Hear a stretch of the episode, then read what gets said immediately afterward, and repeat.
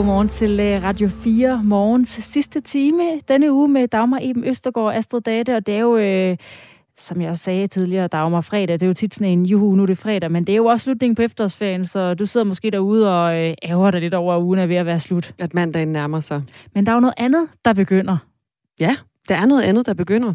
Det er i blandt andet i kommunalvalget. I morgen der må øh, landets kommunalpolitikere hænge de velkendte valgplakater op i lygtepæle i hele landet. Og det markerer altså øh, startskuddet på slutspurten af valgkampen.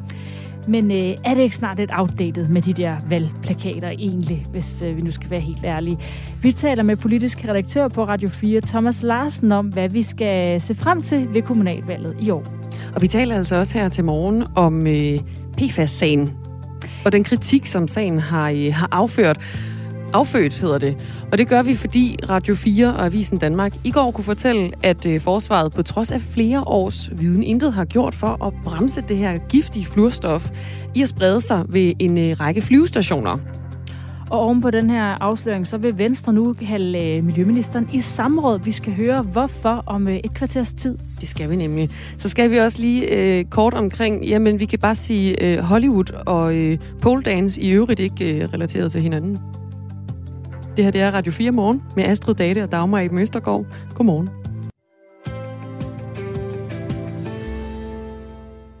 Polen skal ikke have penge fra EU's coronagenopretningsfond. Sådan lød beskeden altså fra et stort flertal i Europaparlamentet til EU-kommissionen. Og det sker efter en afgørelse fra Polens øverste domstol tidligere på måneden, der altså slog fast, at Polens nationale love de er vigtigere end den fælles EU-lovgivning. Men det er i modstrid med EU's principper, som siger, at EU-lov altså står over national lovgivning. Der er en eller anden ting det her, der ikke hænger helt sammen. Mads Anneberg, godmorgen. Godmorgen. Europakorrespondent på, øh, på Radio 4. Der er en, øh, en stor bunke penge, som, øh, som Polen de ikke må få alligevel. Hvorfor må de ikke få det, hvis det står til Europaparlamentet? Jamen, hvis det står til Europaparlamentet, så må de ikke få dem. Øh, hvad skal man sige, den, den officielle forklaring er, at EU jo er et økonomisk fællesskab, hvor vi hele tiden giver penge til hinanden og flytter rundt på, på penge internt i, i unionen og omfordeler. Og hvis ikke der er styr på domstolenes uafhængighed, hvis ikke der er styr på retsvæsenet i, i sådan et land som Polen, så kan vi ikke blive ved med at give penge, og så kan vi ikke give den her store øh, check, som er på vej lige i øjeblikket, til Polen på omkring 270 milliarder kroner. Øh, uofficielt så vil det nok også handle lidt om, at der er faktisk ikke rigtig nogen, der helt præcis ved, hvad man skal gøre, øh, hvad man skal stille op ved, ved, ved det her problem. Altså, øh, på en måde, så kunne det måske også blive set som en sidste udvej, nu når mange andre øh, løsningsmodeller bare ikke har, har virket, simpelthen at, at ja, holde på pengene. Nej, fordi det er jo sådan lidt en, en, en særlig sag, den her, hvor Polen altså har besluttet, at øh, landets egen lovgivning står over, over EU-lov. Øh, den her trussel nu om at, øh, om at tilbageholde penge, den er ikke bare tom så, eller hvad? øh, jamen, det er et godt spørgsmål, fordi lige præcis det, som Europaparlamentet siger øh, her, det er i princippet en, en tom trussel. Altså, de har ikke nogen øh, magt over, hvorvidt de her penge, de skal øh, holdes på eller udbetales, eller, eller hvad. Øhm, til gengæld, så kan man sige, altså, i, i, i det store hele, så er der ikke tale om en tom trussel, fordi EU-parlamentet har nu valgt, at de vil lægge sag an mod EU-kommissionen, som er dem, der i sidste ende skal holde eller udbetale de her penge, øh, for simpelthen ikke at gøre nok øh, lige nu. Og, og, og EU-kommissionen kan som sagt vælge, om, om de så vil, altså hvad, hvad de så vil gøre. EU-kommissionen kan også vælge selv at lægge sag an mod Polen, og som altså, ligesom lad, lad den så køre ved, ved de europæiske domstole. Så, så der er selvfølgelig nogle forskellige spor for, hvad der kan gøres. Der er endnu ikke blevet gjort noget, men det regner vi selvfølgelig med, at, at der kommer nogle, øh, Øh, nogle, nogle, nogle rigtige handlingsløsninger på, på bordet. Mm. Og det er jo ikke nyt, at det polske retsvæsen vækker bekymring i Bruxelles. Siden landets regering overtog magten tilbage i 2015, der har den altså gradvist reformeret og strammet grebet om, øh, om retsvæsenet. Og ifølge både EU-domstolen og den europæiske menneskerettighedsdomstol, så er de polske dommere nu hverken helt frie eller uafhængige, som ellers er jo et ufravilligt grundprincip, hvis, øh, hvis man gerne vil være med i, øh, i EU-fællesskabet. Nu har vi taget, øh, kan man sige, perspektivet fra, fra, fra EU's side, men hvordan ser Polen på den her trussel om at tilbageholde penge? Jamen, de ser det jo slet og ret som afpresning. Altså, de, de har et, et område, hvor de ikke øh, ønsker, at EU skal blande sig, nemlig deres, øh, deres retsvæsen og deres domstol. Og det, det vil EU så øh, gerne, fordi EU mener, at det er vigtigt at, at øh, ligesom at sikre nogle, nogle, nogle helt basale principper. Men, men den måde, som EU gør det på, altså det, det synes øh, Polen lugter langt væk af, hvad kan man sige, jamen netop afpresning. Fordi øh, EU-parlamentet for eksempel her går ind og siger, Nå, men så holder vi bare på pengene indtil i makkerret. Og det er deres argument, at det er måske ikke den måde, det sådan optimalt set skal fungere på i EU. Men vælge, altså, kan man sige noget som helst om på nuværende tidspunkt, om den polske regering vælger at rette ind nu i forhold til den her trussel fra, fra EU? Jamen, det er der ingenting, der tyder på. Altså, man kan sige, det, det, det, den polske øh, regering har sagt, at den da godt lige kan kigge på, om ikke vi kan finde kompromis, øh, hister pister her og der. Øhm, men, men på de store linjer, der er der ikke noget, der tyder på, at Polen nu bakker ned. Og der må man måske også bare lige få en, en, en, en øh, proportionerne på plads, fordi altså, indtil videre, så, så taler vi om, at der måske kan tilbageholdes, jamen igen de her, øh, nu skal jeg nok lade være med at, at sige for mange tal, men altså 270 milliarder kroner, og, og, og det, er meget, det er meget vigtige penge for, for Polen, men der findes jo nogle gange, hvor, hvor ens principper ligesom er, er, vigtige, og det er jo ikke noget, der vælter landet, hvis ikke, øh, hvis ikke de, de får pengene. Så, så Polen er ikke øh, kravlet ned fra, fra tredje vej. Mette Frederiksen, hun deltager jo i de her dage i, øh, i et EU-topmøde i Bruxelles. Og hele den her sag, den er selvfølgelig også nået til, nået til hendes spor. Så hvordan stiller Danmark sig i, øh, i den her sag i, øh, i EU?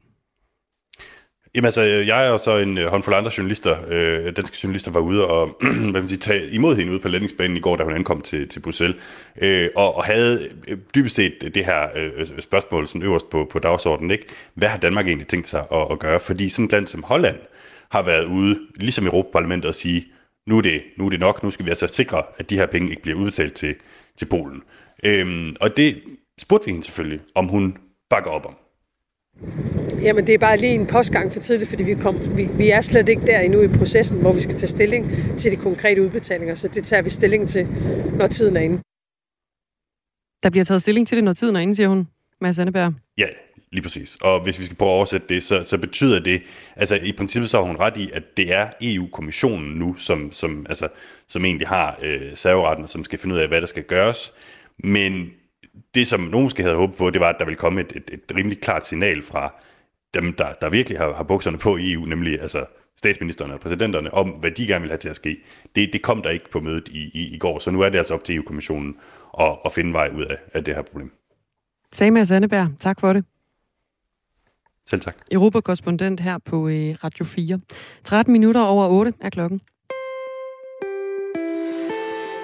Hvis man har tænkt sig at begå tyveri, så skal man ikke gøre det i fuld dagslys på en live-udsendelse. Det øh, siger måske sig selv, men øh, der er en tyv i Ægypten, der også har gjort sig erfaring, efter han snuppede en tv-reporters telefon for rullende kamera. Det skriver TV2. Med øh, en telefon i hånden, der øh, var reporteren Mahmoud Regreb ude tirsdag morgen for at sende live fra en øh, by, Shubra al-Kamai i Ægypten, hvor indbyggerne havde mærket et jordskæld. Men den her reportage, den slutter altså bræt, da en mand på motorcykel suser forbi og tager reporterens telefon fra ham, mens livesendingen stadig kører. ولكن الشبكه طبعا بالفعل رصدت شعور عدد كبير جدا من المواطنين بالجمهوريه بهذه Ja, sådan lød det altså, da øh, ham her manden, han øh, fik øh, tyvstjålet en øh, tyv ja, der er, til der, en telefon. Der er en pause i klippet, fordi at, øh, der kommer sådan et bræt pause, fordi at øh, han står og laver reportage, så er der en pause, og så kører den videre med motorcyklen. Det var derfor, der lige var stille i optagelsen her. og der er altså 20.000 mennesker, der så med, da en tyv lavede måske årets dummeste tyveri. Øh, skriver øh, i hvert fald TV2, der var 20.000 mennesker, der så med i den her, øh, den her video, som ja, blev livestreamet Ja, og på lidt over, øh, altså ja, man ser jo ligesom øh, i den her video først reporteren, der går på gaden, og så røg, forsvinder telefonen i et ryg, og så ender den ligesom foran tyven på motorcyklen, så man ser ligesom hele tyvens ansigt kørende på motorcyklen med en cigaret i munden. Og på lidt over 24 timer, der blev den øh, set af mere end 6,2 millioner, eller i hvert fald trykket på mere end 6,2 millioner gange, og har fået øh, 45.000 kommentarer, skriver The Guardian, som også skriver, at øh, der var rigtig mange mennesker, der deltog i eftersøgningen af tyven, efter at den her video øh, cirkulerede på de sociale medier. man kan sige, professionalisme, det er altid godt i et hvilket som helst erhverv. Også som tyv. Også som tyv, fordi så undgår du at blive fanget, ikke? Så og du det, ikke livestreamer de, din og det, og det undgik han altså ikke. Altså, han blev arresteret få timer senere i sit hjem og bragt til en uh, politistation, hvor han også uh, tilstod forbrydelsen. Ifølge det egyptiske ministerium, så er han arbejdsløs og havde allerede solgt den, da han blev arresteret.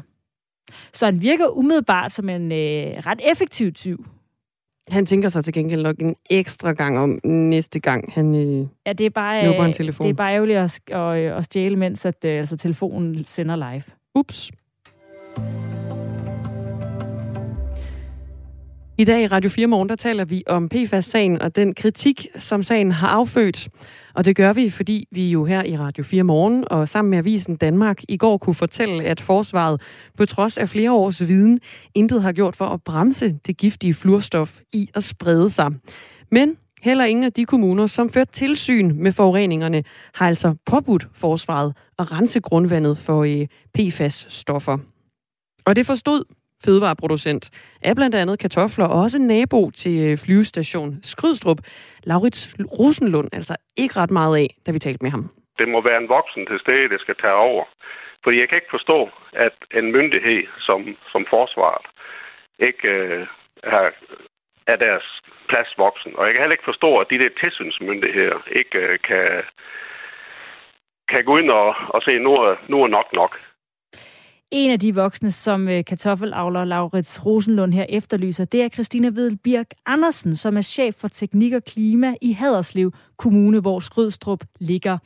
Og hun sagde til os øh, på Radio 4, at kommunen er i kontakt med Forsvarsministeriets ejendomsstyrelse om, hvad der skal ske med den her sag. Det er korrekt, at vi mødes jævnligt med Forsvarsministeriets ejendomsstyrelse. Og øh, det, der glæder mig, det er, at øh, alle parter tager det her meget seriøst, og at vi er i en god dialog for at sikre de nødvendige undersøgelser forud for, at vi eventuelt får iværksat løsninger på det. Nogen løsning på problemet er der altså ikke øh, på plads endnu. Og det er selvom, at Forsvarsministeriets ejendomsstyrelse tilbage i 2019 i et notat selv skriver, at der er målt PFAS-værdier på flyvestationerne, som ligger mellem 100 og 1000 gange over grænseværdien. Og det anerkender Christina Vedel Birk Andersen og siger, at det ikke er godt nok. Jo, altså uanset, så er det jo ikke godt, at, øh, at vi har de her stoffer her. Det er jo også derfor, vi holder, holder nøje med, øje med dem. Så, øh, så, så ud fra de undersøgelser og de vurderinger, vi hele tiden tager på tallene, så, så ser vi jo på, hvad der er den rigtige løsning. Ikke desto mindre, så forstår Christina Vedelbjerg Andersen den bekymring, som borgerne i øh, de berørte områder nu har. Jeg forstår udmærket den bekymring, som, øh, som man kan sidde med. Og derfor kan jeg også kun forsikre, at vi holder godt øje med, øh, med tallene derude, og som det også blev nævnt, så, så har vi ikke kunne måle øh, overskridelser i forhold til, til drikkevandet. Så det er trygt at drikke vand derudefra.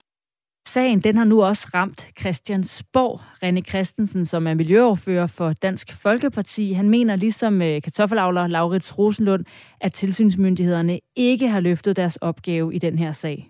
Jamen, det er jo tydeligt, øh, når man får en oplysning helt tilbage i 2016, øh, og så man faktisk ikke foretager sig noget, før vi når til 2021, så har man ikke løftet opgaven. Kommunerne kan som tilsynsmyndighed give påbud til forsvaret i sagen, altså at tvinge dem til at handle. Men det har de ikke gjort, og det sammenligner René Christensen med en Molbo-historie. Det er jo sådan en, uh, undskyld jeg siger det, uh, Molbo-historie, hvis, hvis det er sådan, man, man fører sit tilsyn. Altså at uh, man først vil gøre noget ved det, når ulykken er sket, altså det er kommet i drikkevandet. Det her, det handler om at stanse ulykken. Desværre er der blevet brugt det her PFOS, blandt andet brugt på brandpladser og andre steder. Og det har været fuldt lovligt, at man brugte det. Nu har vi fundet ud af, at det er et meget, meget farligt stof, øh, som faktisk ikke rigtig forsvinder. Og derfor handler det jo om, at enten så skal man øh, inddæmme indlemme det, så det ikke øh, kommer længere ud, eller så skal man simpelthen rense det op. Altså sidde og vente på, at det kommer i vores drikkevand, jamen det lyder jo fuldstændig tåbeligt. Og det næste led i sagen om øh, PFAS, som vi taler om her til morgen, det bliver, at forsvarsminister Trine Bramsen kaldes i samråd om sagen. Og det skal hun altså på baggrund af Radio 4 så Avisen Danmarks dækning af sagen. Det skriver Christoffer Melson på, øh, på Twitter. Og nu kan jeg sige godmorgen til dig, Christoffer Melson. Godmorgen. Vikarierende forsvarsordfører for Venstre. Hvorfor er det, øh, forsvarsministeren skal i samråd i den her sag? Jamen det er fordi, at både vi og borgerne, vi har behov for nogle svar på, øh, for hvordan ministeren hun ser på sagen. Øh, det vi hører, det er jo også, at øh, der er nogle omkostninger forbundet med oprensningerne, og vi har simpelthen behov for at få ministeren i tale, i, både i forhold til, hvordan hun ser problemstillingen, Øh, er det fordi, hun ikke ser lige så alvorligt på den, som de her eksperter, I har snakket med? Øh, er det manglen på penge, eller ligger der en plan for, hvordan man vil håndtere det? Og det er den plan, vi ikke rigtig, eller de tanker fra ministeren, vi ikke rigtig har kunne få, få noget at vide om endnu, og derfor ser vi os nødsaget til at, at, at få hende i samråd. Øh, det er jo vores mulighed ligesom for at få hende i tale. Og det man ved, det er altså fra Forsvarsministeriets øh, egen ejendomsstyrelse, der skriver i et notat i 2019, at der er målt PFAS-værdier på flyvestationerne, som ligger mellem 100 og 1000 gange over grænseværdien. Og styrelsen vurderer derfor, at miljømyndighederne kan give dem som påbud til at rense op, fordi der altså er konstateret PFAS-indhold i grundvandet, der langt overskrider grænseværdien. Hvad håber du, Christoffer Melsen, på, at forsvarsministeren kan opklare omkring den her sag? Jamen altså, det vi håber, det er jo, at vi får, får hvad hedder det, hendes tanker og hendes øh, øh, plan for, hvordan vi får det her løst. Fordi vi skal jo have, der er jo nogle borgere derude, der sidder rigtig utrygge for, at, øh, at, øh, at det kan få en sundhedsmæssig påvirkning øh, af dem og deres nærmiljø. Og det øh, har vi jo behov for enten at, at få lagt på bordet, hvordan er det, vi vil inddæmme det eller oprense det, som René siger her, eller hvordan hun så kan forsikre os om, at, øh, at de eksperter, som I også har snakket med, har misforstået historien, så det i virkeligheden ikke er så farligt, som de siger. Men lige nu der er, der en, øh, er der en masse usikkerhed og en masse øh, hvad hedder det, ting, der løber i rundt, øh, og vi har ikke rigtig kunne få at vide, hvor, hvordan ministeren ser sagen. Så det er egentlig der, vi vil starte, fordi at, øh, så skal det også sige sådan, at så vil vi jo rigtig gerne i en, i en konstruktiv dialog med, med ministeren i forhold til, hvordan vi kan finde nogle løsninger. Øh, men det starter med, at vi, vi bliver nødt til at få hende i tale. Vi talte øh, tidligere den her morgen med Christina Ved Birk Andersen, som er chef for teknik og klima i Haderslev Kommune, hvor Skrydstrup flyvestation ligger. Og hun fortæller jo, at de jo holder øje med øh, drikkevandsforurening, altså at der ikke er øh, nogen stoffer, der overskrider drikkevandskriterierne, og det er derfor, at der ikke har været tale om et forbud eller påbud. Har du ikke tillid til, at øh, kommunerne har styr på, hvornår der skal gribes ind? Øh, ja, eller, eller både og, kan man sige. Fordi jeg synes jo lidt det her, altså både når forsvaret faktisk siger selv, at forureningen er slem nok til, at de kan få et påbud. Så et, så synes jeg jo selv, at man som forsvar og som offentlig myndighed bør gøre noget. Altså jeg tror ikke, at den lokale landmand, han var sluppet afsted med at have, have et, øh, et giftudslip her, og så siger jeg, at vi venter indtil det er i drikkevandet, inden vi gør noget. Øh, så altså, det er jo sådan, øh, det er, ja, som René også sagde, det, det virker meget specielt det her med, at man man ved, der er en fare for, at det kommer i grundvand, og så vil man vente til det i grundvandet, inden man gør noget. Øh, det virker ikke som den måde, vi plejer at gøre det på, og det vil vi selvfølgelig også øh, høre øh, ministeren, om hun synes, det er den rigtige tilgang til det. For det virker, det virker underligt. Øh, nu har jeg selv en baggrund som kommunalpolitiker, og jeg har svært ved at forestille mig, at vi havde taget den tilgang til for eksempel en privat lodsejer, hvor, hvor vi vidste, der var en far for noget af det, han rendte og lavede, det vil ryge drikkevandet. Så det virker umiddelbart ikke som en tilgang, der er særlig klog. Så de her kommuner, der altså skulle føre tilsyn med forsvaret i sagen, hvor stort et ansvar bærer de? Jamen altså, jeg synes jo, altså, øh, altså, altså først og fremmest så er det jo trods alt forsvaret, synes jeg, der har den største rolle i det her. Når man selv ved som offentlig myndighed, at, øh, at man at man er i gang i noget, hvor man overskrider myndighederne og selv har en, øh, en ejendomsstyrelse, der anbefaler, at man begynder at få kigget på det. Det er selvfølgelig det største ansvar. Men så er, det, er der selvfølgelig også noget, vi skal have kigget på i forhold til kommunerne og deres tilsynspligt om man ser anderledes på det, når det er offentlige myndigheder, når det er private. Altså det, det er en lidt underlig sag, øh, men som forsvarsordfører, så starter jeg jo selvfølgelig med at, øh, at tage fat i forsvaret og prøve at høre forsvarsministeren, hvordan er det, vi egentlig tager ansvar for vores egne områder. Og så har vi en miljøordfører, Jakob Jensen, der allerede på onsdag også har øh, miljøministeren i samråd for at kigge på, på det bredere spor, også i forhold til, hvordan miljømyndighederne bredt de håndterer de her øh, forureninger. Så der er flere ben øh, i den her kritik, både hos kommunerne og så øh, i første omgang hos forsvaret ifølge dig. Og hvad er det for et ansvar, du mener, man kan pege tilbage på forsvarsministeren i den her sag? Jamen, det er jo for, forsvarsministeren er, er jo chefen for det hele, så i sidste ende, så er det jo hende, der skal stå på mål for, og, og, og det er jo hende, vi kan øh, den måde, systemet er skruet sammen på, så det er jo hende, vi kan gå til, når der er noget, vi ikke kan forstå, og som vi synes, der virker underligt, og som vi synes, der bør, bør handles på og skabes tryghed for borgerne. Så i bund og grund, så er det jo hende, der har ansvaret for at, for at fortælle os øh, og betrygge os i, at man håndterer det her på den rigtige måde fra forsvarets side. At vi ikke... Øh, er ansvarlig for, at der kommer giftige stoffer ud i vores miljø, der kan være sundhedsskadelige for vores borgere, og så vores borgere de kan være trygge ved, at man også bor ved siden af forsvaret. Så, så det er jo forsvarsministerens rolle. Så er der jo mange, der kan have skylden historisk, men man kan sige, at lige nu der er det hende, der har den i forhold til at øh, komme frem på banen og fortælle, hvordan man så vil løse det. Det er jo, øh, det er jo, øh, det er jo fordelen og ulempen ved at have regeringsmagten. Det er, det er også en, der bliver nødt til at stå på mål for at tage noget ansvar i forhold til at få løst problemerne. Og derfor har du altså kaldt uh, forsvarsminister Trine Bramsen i samråd om sagen her. Tak fordi du var med, Christoffer Melson. Som øh, altså er vikarierende forsvarsordfører for Venstre der i hvert fald vil tage, tage sagen videre. Det ender jo i et samråd, det her. Der er en lytter, der skriver ind, det er Mia, hun skriver, håber René Christensen går videre med PFOS-sagen. Nu er der gået for mange år med mulig ødelæggelse af både dyr og mennesker, der eventuelt har spist avlsdyrenes kød, altså det her kvæg, der kan have græsset omkring PFOS-forureningerne eller PFAS-forureningerne. Det er jo djævelens værk, når oplysningerne ikke fører til løsning, da de fandt ud af for høje grænseværdier, lyder det altså. Men sagen bliver i hvert fald taget videre, og øh, det ender i hvert fald med en øh, forsvarsminister i et samråd.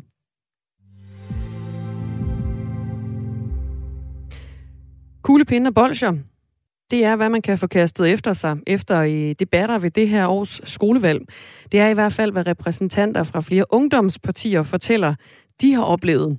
Tidligere på ugen fortalte Malte Larsen fra Nye Borgerlige Ungdom på sin øh, Facebook-profil, at han blev chikaneret og også buet af af en gruppe indvandrerdrenge til et arrangement op til skolevalget i Ringsted Kongresscenter. Og øh, Tobias Weiche, der er landsformand for Dansk Folkepartis Ungdom, fortæller, at flere af deres repræsentanter altså også har oplevet at blive chikaneret under årets skolevalg.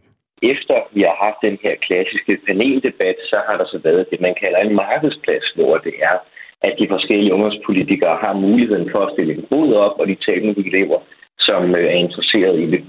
Og øh, mens vores repræsentanter så har stået og talt med nogle elever, så har de jo lige pludselig øh, fået kastet bolcher og kuglepinden og øh, andet givetvis i, øh, i nakken af nogle øh, øh, drenge på de her folkeskoler, som jo også har, har råbt alle mulige øh, skældsord til vores repræsentanter. Øh, og, øh, og det er jo den øh, fysiske chikane, som, som vi synes jo er helt øh, uacceptabel, at vores repræsentanter skal møde øh, ude på de her folkeskoler under en skolevalg. Ja, og skolevalget, det er jo et valg for 8., 9. og 10. klasser i, øh, i hele landet. Omkring 80.000 elever, de deltager altså i de her øh, skolevalg. I år der var det Socialdemokratiet, der blev det største parti med 23,5 procent af stemmerne. Dansk Folkeparti fik 4,4 procent af stemmerne, og Nye Borgerlige, som altså også har været udsat for det her chinkane, de fik 3,6 procent af stemmerne. Skolevalget arrangeres af Folketinget og Børne- og Undervisningsministeriet i samarbejde med Dansk Ungdoms Fællesråd. Og det er særligt på grund af den stramme udlændingepolitik, at det netop er Nye Borgerlige og Dansk Folkepartis ungdomspartier, der bliver udsat for fysisk og verbal chikane, siger landsformanden det er, at det nogle gange er øh, øh, særligt jo Dansk Folkeparti igennem rigtig mange år, og nu også øh, nye borgere lige på de seneste år, der øh, har udlændingepolitikken som et af vores øh, vigtigste mærkesager. Og øh, dem, der udøver den her form for chikane, er jo øh, i langt de fleste tilfælde øh, elever med anden etnisk baggrund, som øh, jo i den grad bruger, øh, kan man sige, deres... Øh, deres form for dominansvold til ligesom at skulle øh, kunne holde øh, os andre væk øh, og udskærme os, når vi er ude til forskellige debatter. Derfor tager han nu en samtale med øh, Dansk Ungdomsfilms Fællesråd, der altså er medarrangør, for at finde ud af, hvordan man fremover kan undgå chikane ved skolevalgene. Ja, der er kommet en enkelt sms her fra øh, Anders. Han skriver, hvis et parti har racistisk dømte politikere, burde det ikke være en overraskende reaktion fra, reaktion fra en borger, partierne hader. Der er vel to sider af en historie. Og Anders han henviser altså her til, at der har været øh, enkelte racismedomme i, øh, i Dansk Folkeparti. Det er jo blandt andet øh, bum, bum, bum, bum. Det er øh, Måns Glistrup. Vi har Jesper Langballe, som også har været medlem af DF. Og vi har også øh, Måns Kamre, som altså alle sammen har, øh, har fået men der er aldrig, øh, af de to sider, så er der nok ald- så er der aldrig en side, der hedder, at man øh, kaster bolsje og kuglepinden efter øh, folk i en politisk debat. Det er jo det, der hedder fysisk chikane, og det er altså det, Dansk Folkepartis Ungdom nu tager, tager op her.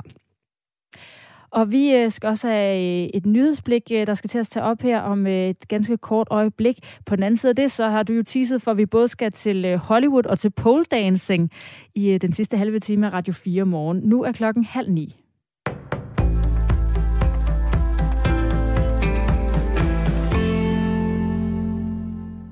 Den seneste tid har flere banker gjort det dyrere at have opsparinger stående. Nu følger Danske Bank trop ved at sænke sin rente for indlån i Danmark. Konkret sænker Danske Bank sin rente for indlån over et vist beløb til minus 0,7 procent fra før minus 0,6 procent.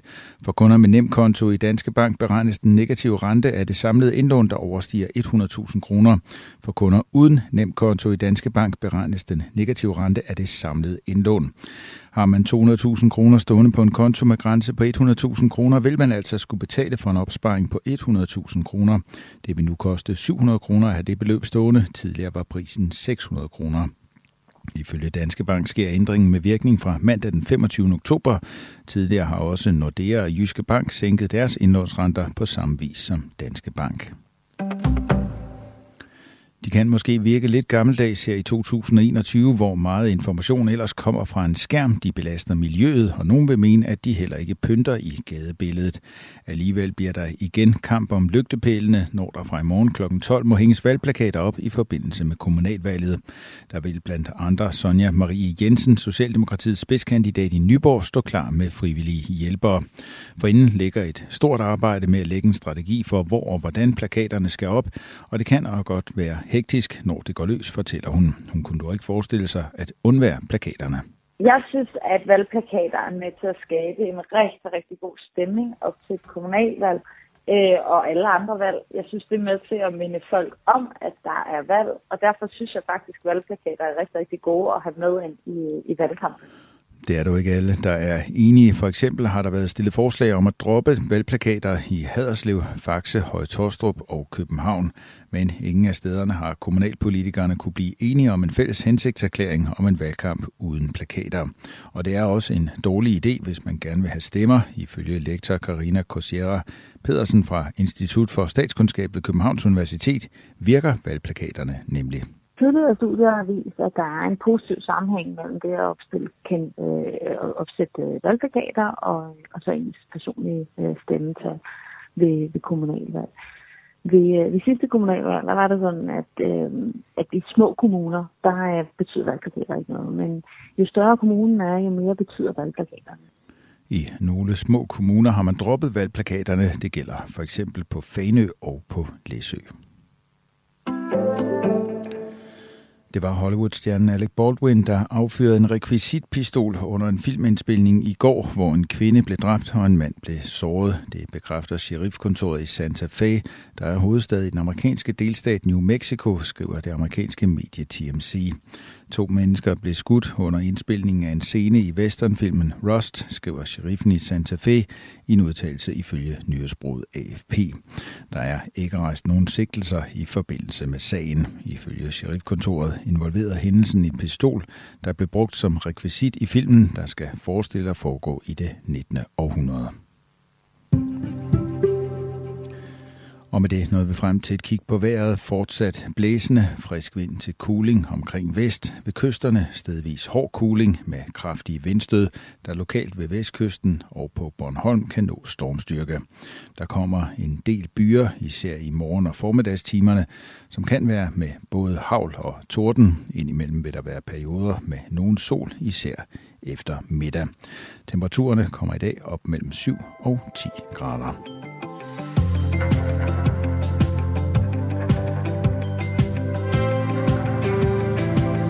Og her på Radio 4 Morgen med Dagmar Eben Østergaard og Astrid Date, der kan vi altså være øh, for hurtigt, til vi selv kan nå at følge med. men så har vi nogle øh, mindst lige så hurtige og vakse lyttere. Det har vi i hvert fald. Der er nogen, der har øh, påpeget, at øh, altså, jeg kom til at sige, at øh, Måns Glistrup var medlem af DF. Det neder jeg lige i mig igen, det gik altså lidt for hurtigt. Det er selvfølgelig Mogens Kammer, der har været medlem af DF, og som altså, ja, de er jo så begge to øh, racismedømte. Det var det, der var øh, pointen i hvert fald, at der tidligere har været DF'er, der har været øh, dømt for, for racisme. Der gled han lige ind i en sammenhæng der. Den skal jeg beklage, jeg æder den, i, jeg æder den igen. Så kan vi øh, heldigvis øh, gøre, det, gøre det hele godt igen med øh, den næste øh, sidste halve time af Radio 4 morgen, hvor vi øh, både skal omkring øh, Alec, Alec Baldwin, som øh, nyhederne også kunne fortælle om, der altså er død i, ved, en, ved et uheld i nogle øh, video, ja. eller hvad hedder det, filmoptagelser. Men Baldwin er der ikke død, er han det? Øh, det er Baldwin, han er kommet til at skyde nogen. Ja, det var oh, for ja, pokker. Baldwin er simpelthen ved et uheld kommet til at skyde nogen med en rekvisitpistol. Det er ham, der har skudt, ja. Så han lever stadigvæk. Jeg ved ikke, om det er i bedste velgående lige pt. Men han er i hvert fald kommet til at dræbe nogle mennesker under, eller dræbe et menneske, slå et menneske ihjel med en rekvisitpistol under nogle filmoptagelser. Jamen, det er godt, vi har øh, Jakob Heinel, øh, BT's royale korrespondent og USA-ekspert, med til at øh, fortælle de helt rigtige detaljer om den her historie. Ja, det bliver om øh, cirka en 10 minutters tid. Inden det, der skal vi nemlig om, øh, ombord i en øh, anden historie, som ja, lidt starter nok først i morgen, men vi kan lige tage den i dag.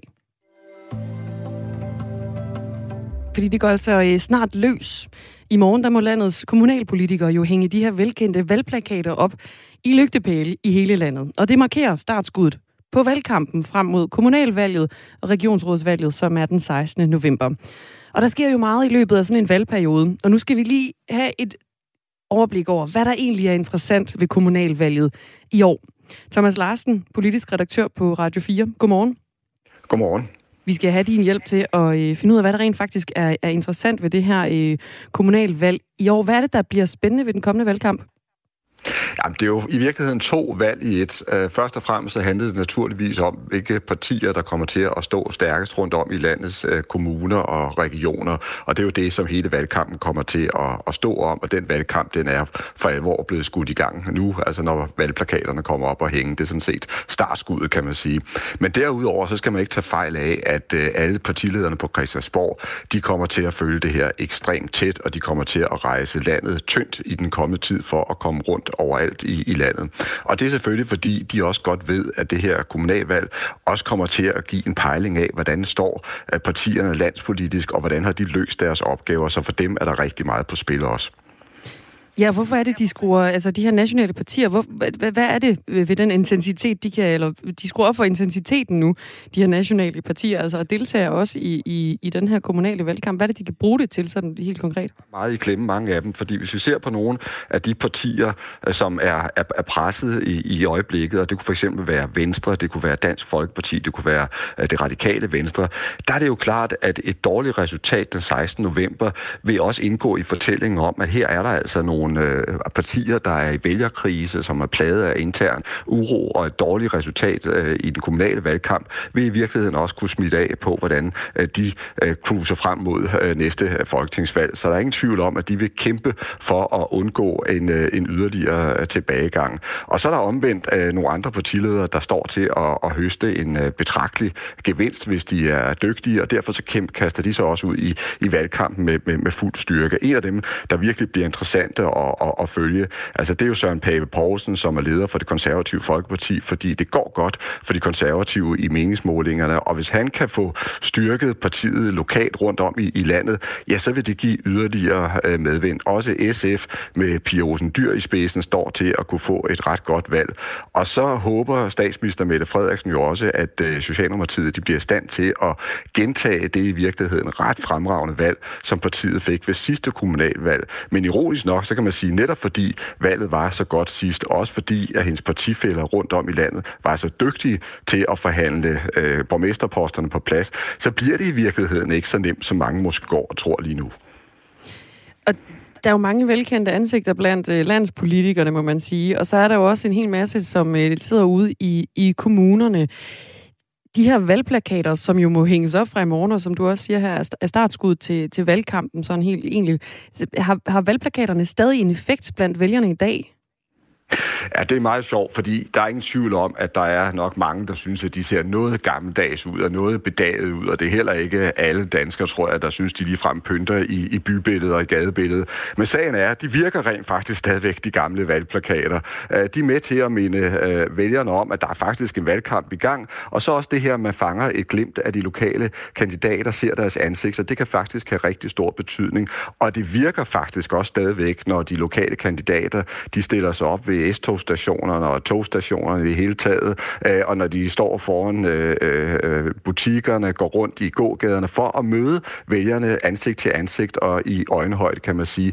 Den slags metoder virker stadigvæk. Så er det klart, når jeg snakker med partihovedkvartererne, og også når jeg snakker med mange af de lokale øh, kandidater, så er der heller ingen tvivl om, at nye og mere moderne metoder kommer i brug, og der er mange af dem, der også forudser, at øh, valgkampen også kommer til at folde sig ud på de sociale medier, og at, kan man sige, altså Altså, den digitale kommunikation også bliver vigtig den her gang. Men kan man sige noget om, hvad der er vigtigst? Altså at landspolitikerne, de viser ansigt rundt om i landet, eller at der bliver hængt nogle, øh, nogle tydelige valgplakater op i, i kommunerne? Altså jeg vil sige, heldigvis er det jo sådan, at der er en grænse for, hvad at partilederne kan udrette lokalt. Det er stadigvæk de nære øh, problemer, der optager folk øh, lokalt, og vi ser også masser af eksempler på, at der er lokale kandidater, der er så øh, stærke og som er i så tæt kontakt med, med vælgerne lokalt, at de sådan set kan sejle direkte op mod de strømninger, der er landspolitiske. Altså hvis vi for eksempel går nogle valg tilbage, så kunne vi se, at dengang, hvor de konservative befandt sig i en dyb krise landspolitisk, der var der stadigvæk øh, virkelig stærke konservative borgmester, der kunne stå imod, øh, simpelthen fordi de var tæt på vælgerne og vidste, hvad der rørte sig i deres kommuner. Der er en lytter, der skriver ind, at øh, valgplakater minder mig om, politikere er ligeglade med miljøet, når det handler om dem selv. Ligesom de ikke behøver øh, masker eller overholde de samme regler som os andre. Øh, så øh, der kan i virkeligheden måske være et helt andet argument for at blive mere digitale, at nu er valgplakaterne nærmest også blevet øh, politisk i sig selv, om man hænger op eller ej, Thomas Larsen. Jamen, det er fuldstændig rigtigt, og det er i virkeligheden sådan en helt ny debat, der pludselig er opstået omkring valgplakaterne, at mange øh, ser dem som øh, noget, der i virkeligheden er, er, er miljøspil, øh, og derfor så ser de med kritiske øjne på, øh, på valgplakaterne. Og det er i virkeligheden også med til at tegne et billede af, at netop altså det grønne, den grønne omstilling, er noget, der kommer til at fylde kolossalt meget politisk øh, i de senere år. Ikke alene på Christiansborg, men også ude i kommunerne. Så det er sådan set en ny udvikling, vi er vidne til her. Problemet er bare, at hvis man offrer øh, valgplakaterne i, i miljøets navn, kan man sige, så vil det simpelthen blive svært for, for flere af de lokale kandidater at gøre opmærksom på, at de stiller op, og de er klar til at tage et ansvar. Det bliver simpelthen sværere for dem at komme i kontakt med vælgerne. Så lød øh, optakten til øh, lørdagens øh, plakatophængning i morgen fra Thomas Larsen, politisk redaktør på Radio 4. Tak fordi du var med. Selv tak. Ja, og øhm, valgplakaterne, det er jo sådan lidt... Det er jo en ikonisk ting, kan man sige, omkring, når der er valg i Danmark, at de hænger simpelthen overalt i lygtepælene. Og det kræver jo selvfølgelig noget forberedelse, at man får lavet de her valgplakater. Men der er nogen, der har mere held end andre med at få lavet valgplakater byrådsmedlemmet i øh, Aarhus Kommune fra Socialdemokratiet, Eva Borgård Meinerts. Hun fik øh, leveret 400 valgplakater til sin øh, private adresse her i øh, ugens løb. Og så stillede hun lige en valgplakat udenfor, og tænkte ikke rigtig yderligere over det, siger hun til TV2 Østjylland. Og næste morgen, da hun kom ud, der var den ødelagt. Hun har købt dårlige valgplakater. Så hun har, hun har simpelthen ikke købt vand og vind øh, sikre valgplakater. Nej, fordi det silede ned den nat, da hun stillede den her valgplakat ud.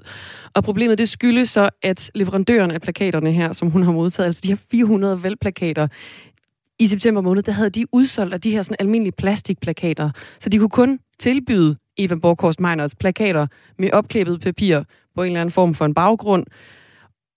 Og ja, Ja, for de hun bliver krøllet. Hun er jo byrådsmedlem, og... så det kan ikke være sådan en uh, rookie mistake. Det er ikke første gang, at hun, hun har fået ligesom, hvad hun gør, plakater til at hænge op, men hun har simpelthen ikke uh, været ude i god nok tid. Det har hun simpelthen bare ikke.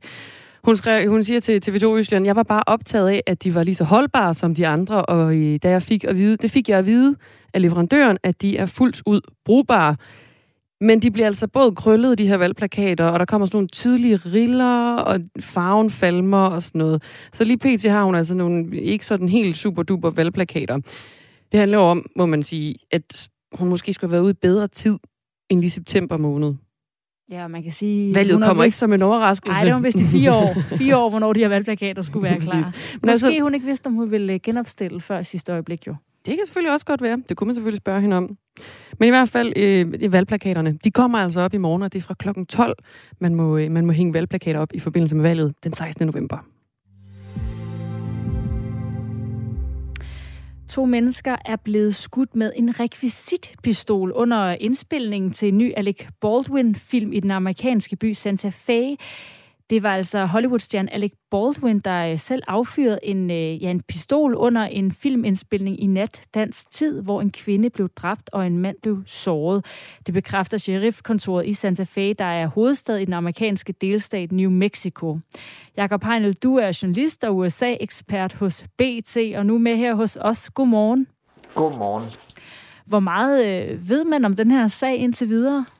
Ja, men som du, selv, som du sagde øh, i, i til begyndelsen, så er det jo sket her i nat. Det vil sige, at vi ved på nuværende tidspunkt ikke særlig meget andet end det, du fortæller. Og det er jo, at det er Alec Baldwin selv, der har affyret den her rekvisitpistol. Øh, øhm, og øh, det er selvfølgelig en, en tragedie, som øh, hele filmholdet øh, er, er påvirket af. Og så vidt jeg kan øh, se, nu har man simpelthen fuldstændig nedlagt arbejdet omkring filmen, og spørgsmålet er, om den her film den nogensinde bliver produceret efter den her, øh, den her tragedie i nat. Og det er faktisk ikke første gang, at man hører om øh, en ulykke med en rekvisitpistol. Tidligere der har skuespiller Brandon Lee, som er søn af Bruce Lee, mistet livet i en ulykke med en rekvisitpistol under indspilningen til en film. Det var tilbage i 19 1993. Sagen her bliver også omtalt som en ulykke, men hvordan, hvordan kan sådan en ulykke overhovedet opstå?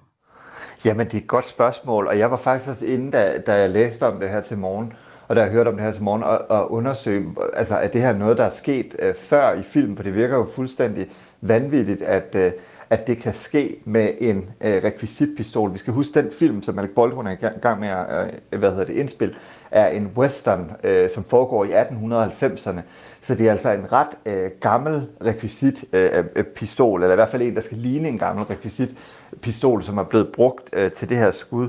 Men jeg fandt ligesom dig også tidligere eksempler, altså i 1984 er der en anden skuespiller, øh, øh, der hedder John Eric Heck, som der også øh, øh, var ude for det samme, da de var ved at indspille en film. Så det er altså ikke noget, der, der er sket øh, sådan. Og i forbindelse med, øh, med det, der skete dengang, øh, der er der nogle amerikanske medier, der har været ude og, og undersøge, hvad er det egentlig, øh, hvordan håndterer man egentlig en rekvisitpistol på en, øh, øh, i forbindelse med en film. Og, øh, og så vidt jeg kan øh, finde ud af, så er det altså noget, der bliver, der bliver opbevaret med, med, med, med, med stor forsigtighed. Og der er også regler for, undskyld, jeg er lidt jetlag, jeg er lige landet fra USA i nat, hvad hedder det, øhm, hvad hedder det, der er også øh, hvad hedder det, øh, øh, en politik hvor for, hvordan man ligesom skal håndtere sådan en øh, rekvisitpistol. Og der må være gået et eller andet galt øh, i forhold til, hvordan det er sket. Fordi så vidt jeg kan læse på det her, så kræver det altså også en, øh, en person, der er uddannet til at håndtere de her pistoler, før at man, øh, man kan gøre det sikkert på et sæt. Spørgsmålet er, og det ved vi jo ikke endnu, om øh, hvordan den her pistol er øh, blevet håndteret på sættet øh, med Alec Baldwin i nat. Og du sætter altså også spørgsmålstegn ved, om den her film Rust, øh, den her westernfilm, overhovedet kommer til at blive til noget. Ved man noget om, hvad der sker med de medvirkende? Nu er der jo en død, en såret, men, men øh, bliver det også set som en ulykke fra øh, Alec Baldwins side af? Det tror jeg bestemt. Han har jo ikke været ude at udtale sig endnu, men andet ville, øh, ville da godt nok være, øh, være, være meget underligt øh, man, man kan sige, øh, når politiet i øh, New Mexico ikke har øh, taget nogen med ind på pistolen, så tyder det jo selvfølgelig også på, at de vurderer, at det er, der er tale om en ulykke. Men det er klart, der er rigtig mange penge på spil her også, fordi en film med Alec Baldwin, både i hovedrollen, han var både producer og med i filmen, øh, det er jo en kæmpe, kæmpe, kæmpe stor forretning i Hollywood at lægge øh, sådan en filmproduktion ned. Det er bestemt ikke billigt øh, at gøre, og det vil koste dem dyrt. Men som jeg sagde til at starte med, spørgsmålet er, om, om, om, om der er andet at gøre i virkeligheden. Fordi hvordan skal sådan en film nogensinde øh, komme ud, og i forhold til de pårørende, i forhold til alle, øh, så, så virker det, tror jeg, øh, nu ganske usandsynligt, at det kommer til at ske. Sådan lyder altså den seneste melding i sagen, hvor at øh, skuespiller øh, Hollywoodstjerne Alec Baldwin er kommet til at affyre en pistol under filmindspilninger i natdans tid, hvor en kvinde er blevet dræbt og en mand er blevet såret. Tak fordi du vil være med, øh, Jakob Heinel, journalist på BT. Tak skal du have. Og der er, som Jakob Heinel også siger, ikke rejst nogen sigtelser endnu i forbindelsen med hændelsen.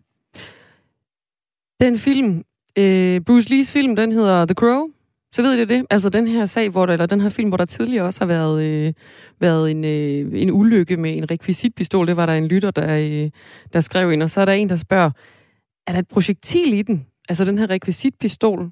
Burde det ikke kun have været løs krudt? Og jo, Michael, det gætter jeg da stærkt på, at det burde ikke have været en, et projektil. Det er også noget af det, der skal undersøges, hvad der øh, er i, i den her pistol.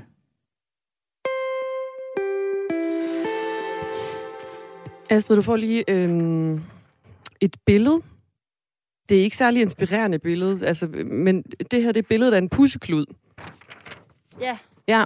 Det, hvis du ikke havde sagt det, så havde det været svært at se, for Ja. ja. det er bare en firkant med en grå farve. Det er en sådan, ja, en hvid firkant-agtig, små grå firkant med, ja, på en hvid baggrund, så den er svær at se endda.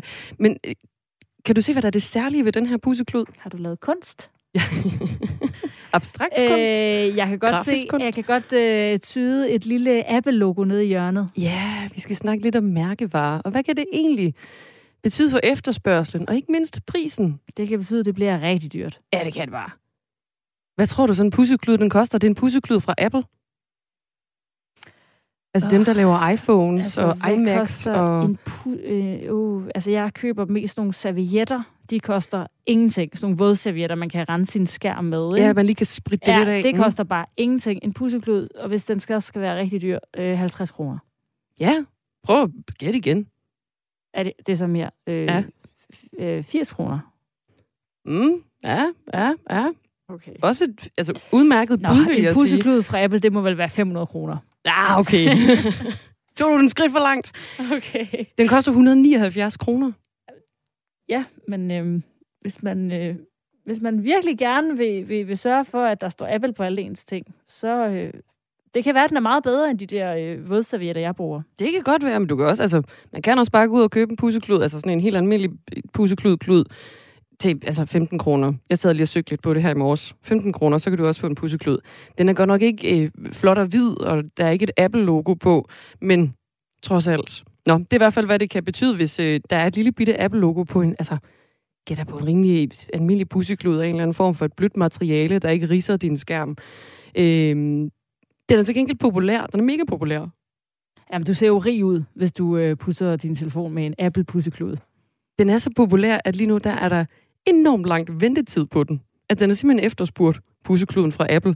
Der er 10-12 ugers ventetid lige nu, hvis man går ind på, på apple.com. Vi skal altså øh, tale om noget øh, andet og vildere, som øh, også er blevet meget populært. Uh. Vi skal nemlig øh, videre til øh, kombinationen af dans og akrobatik på en, øh, eller om en lodret pæl. Altså det, der hedder pole dance, som er meget mere end, øh, end et hit på bare øh, stripbar og i øh, seksuelle sammenhænge. Ja, fordi det er altså 6. år i træk, at Danmarksmesterskaberne i pole dance løber af stablen med seks forskellige kategorier. Blandt andre i begynder, øvet og avanceret niveau. Så er der også øh, et duo, altså hvor man er to, der ligesom øh, danser på en pæl, eller hvad man nu siger. Øh, så er der også øh, pole dancing for mænd, og så er der også pole dancing for dem over 40. Og det skal vi altså øh, blive meget klogere på nu, hvor vores reporter Louise Fischer, hun er taget til Pole Academy i Viby, lige syd for øh, Aarhus. Louise, er der udsigt til, at du kan komme øh, med til Danmarksmesterskaberne? Altså, det bliver nok ikke øh, de Danmarksmesterskaber, der bliver afholdt i morgen i Vejle. Så bliver det nok i hvert fald kun som uh, tilskuer for mit vedkommende. Jeg har lige prøvet uh, her uh, at føre mig frem på nogle af pole-stængerne. Og uh, jeg vil sige, jeg følte med, at jeg brækkede en arm, end at jeg uh, så godt ud. Okay. Så det, det Er kan det godt være, at vi skal overlade det? Ja, det er første gang nogensinde. Altså, bortset fra de gange, hvor man har været lidt for fuld på en natklub, og der har været en, øh, en stang, man kunne svinge sig i, men det har vist heller ikke været et kønt syn. så det tror jeg heller, jeg må lade de lidt mere professionelle om. Øh, fordi her i Pole Academy i Viby, der har jeg fået lov til at komme og besøge jer. Nana Trandu er instruktør her. Og nu er der jo Danmarksmesterskaber i morgen, hvor det jo så nok er nogle af Danmarks allerbedste, der stiller op. Men hvad kræver det egentlig at gå til pole dance? Altså, gå til pålæs generelt, det kræver faktisk bare lidt gå på mod. Man skal ligesom ikke have nogen fortid i at, at skulle være stærk eller smidig eller noget dans. Øhm, så alle kan ligesom starte uanset kropstype og personstype og køn. Og du fortalte mig jo lige før, at øh, det handler egentlig ikke kun om at svinge sig rundt i den her stang, altså at hænge øh, med hovedet øh, ned og benene op. Man kan også bare sådan danse lidt let rundt om den. Hvad er sådan nogle gode begyndertricks, hvis man nu vil øh, begive sig lidt ud i det her med pole dance derhjemme? Altså derhjemme, det er jo, at man helt sikkert kan finde noget online, og så se, okay, hvad er det for en, en type pole, jeg bryder mig om? Er det den her super stærke person, jeg godt vil blive, eller er det den her fine dansemus, jeg vil være? Øhm, men det hele handler helt sikkert om at, at skulle ture, øhm, og lade være med at, at være for blufærdig om sig selv. Øhm, det her gå til pole har også den fordel, at det giver en et kæmpe selvtillidsboost, at øh, man ligesom udvikler sig og, og bliver god til noget, øh, og ser det som en, en kæmpe hobby. Og den her pole, som pole, altså selve pælen, som vi står om lige nu, den, øh, den er normalt, så, så står den fast, men så kan man så også løsne den, så den kan dreje rundt, og man virkelig kan svinge stærkt. Og tidligere, der har den her pole jo sådan været et udtryk for en seksuel øh, ting, øh, noget øh, man primært bruger på stripklubber eller i andre seksuelle sammenhænge og sådan noget. Er det stadig det, eller hvordan kan man godt danse pole dance, uden at det skal handle om sex i dag? Det synes jeg bestemt, man kan. Øh, man skal huske, at pole dance stammer jo fra noget striptease. Øh, og det synes jeg ikke, man skal pakke væk, fordi pole dance er jo stadigvæk en del af det her, måske ikke strippen, men teasen, det her med, at man ligesom føler sig lækker og, og feminin og kan udtrykke sig på, på den måde. Altså det her selvtillidsbus, jeg snakkede om. Jeg synes, det er mega vigtigt, at man som kvinde kan føle sig mega lækker og feminin i det her pole dance. Øh, og når nu øh, du siger, at de også har mænd, der øh, danser pole dance hernede, kan mænd så også, skal de så også føle sig feminine og sexede, når de danser pole? Det synes jeg bestemt ikke, medmindre de gerne vil. Øh, der er jo forskellige typer mænd hernede også. Nogle de ønsker bare at blive bumstærke og træne rene tricks, øh, hvor nogen ønsker at træne i vores øh, blistersko, altså de her høje hæle, og føle sig mega lækre sammen med os andre. Øh, så igen, der er mega mange forskellige stilarter inden for pole, hvor både mænd og kvinder kan være en del af det. Tak for det, Nana. Så skal vi også lige nå at tale med øh, dig, Nadja, fordi du øh, står over ved en stang her ved siden af, og øh, du skal jo faktisk med til Danmarksmesterskaberne i Vejle i morgen. Du stiller op i duo, det vil sige, at du har en partner med, der, der danser sammen med dig på, på stangen der. Hvad betyder pole dance for dig? Øhm, altså, jeg tror, det er meget, for mig handler det meget om det her med at komme et sted hen og få lov til at træne, men stadigvæk være social og Ja, vi har sådan på vores level 3-hold et mega stærkt sådan, fællesskab. Selvom man måske ikke kender hinanden, og der kommer nogle nye til, og nogen kommer fra, så er der stadigvæk det her ekstreme sådan, fællesskab, og man er bare åben over for hinanden, når vi kommer med det, vi har og sådan noget. Og det betyder mega meget for mig i det her miljø. Og, og sidste gang, du stillede op til øh, uh, DM i pole dance, eller DN, som det egentlig hedder, Danish Nationals, der var du solo, altså der dansede du selv. Hvilken forskel gør det at danse, når man så er to? altså man kan sige, sådan vejen op til kræver meget mere som du, fordi man jo har to holdninger og to meninger, og en kan noget andet, og så kan den anden ikke det, den anden kan, og så kræver det en del koordinering, hvis man skal være synkron og sådan noget, så det tager lidt længere tid. Øhm, til gengæld så giver det også noget helt andet, fordi man har en partner, man kan spare med, og man kan... Det er hyggeligt at være to og træne sammen, og igen det sociale i det og sådan noget, så det har to forskellige fordele og ulemper, vil jeg sige. Og øh, Nadia, jeg tænker lige inden vi skal runde af, kan du så ikke lige prøve at fortælle mig om et trick, og måske lige lære mig det, eller, eller i hvert fald vise mig, hvordan man gør? Øhm, måske et tjærspind, tænker jeg, kunne være. Så, hvad går det ud på? Man står ved siden af polen her, og så skal man sådan samle benene op til sig selv, og spænde rigtig godt i maven, øh, så man nærmest sidder i, i luften på sådan en stol. Øh, og så mens man gør det, så giver man sådan en sving, så man drejer rundt om polen, mens du så sidder spændt ud i din arm, ud i luften på en stol. Godt. Hvis du lige prøver at gøre det på den stang der, så går jeg lige over til den her ved siden af, og øh, gør det, simpelthen gør der kunsten efter. Og hvis jeg kan klare det med en mikrofon i hånden, uden at, uden at falde sammen, så er det jo en succes. Jeg prøver en gang her. Yes. Holder fast med begge arme, og kan jeg svinge mig rundt? Ej, jeg kan jo ikke engang altså, jeg kan ikke engang komme rundt på nogen måde. Øh, jeg tror, det ville hjælpe, hvis nu man løsnede stangen, så den bare drejede rundt for mig. så kunne jeg godt bare hænge der i luften. Øhm, I morgen er der Danmarksmesterskaberne, Nadja. Øhm, er du helt klar, eller sidder nerverne helt ude på tøjet? Det gør de i hvert fald. Øh, mig og min makker skal lige have det sidste øh, finish på, og skal lige have den sidste gang kørt igennem, og så er vi ellers helt klar. så er I klar. Du skal i hvert fald have held og lykke med det, og øh, hvis man ikke øh, som mig når at stille op til Danmarks mesterskaberne, så har jeg hørt, at man stadigvæk kan øh, være med som øh, tilskuer. God fornøjelse. Det sagde altså øh, Louise Fischer, som øh, lige fik et par hurtige ord med på vejen om, hvordan man altså kan øh, blive god til pole dance. Og har altså været vores øh, efterårsferiereporter hele ugen, hvor hun har været øh, ude fra radioen for at øh, snakke med rigtige mennesker. Så sige. Det gør vi jo også her, men øh, også at kunne se dem i øjnene. Og det har altså været skønt. Det har været så skønt, og det har været en øh, god uge. Men nu takker vi altså af for, øh, for den her uge. Der er mig, Astrid Date og Dagmar Eben Østergaard. Vi siger tak for øh, nu. Det er blevet fredag, og øh, vi sender Så. jer ud i dagen med en, øh, et ønske om en god dag, og også en god weekend, når I kommer så langt. Klokken er ni.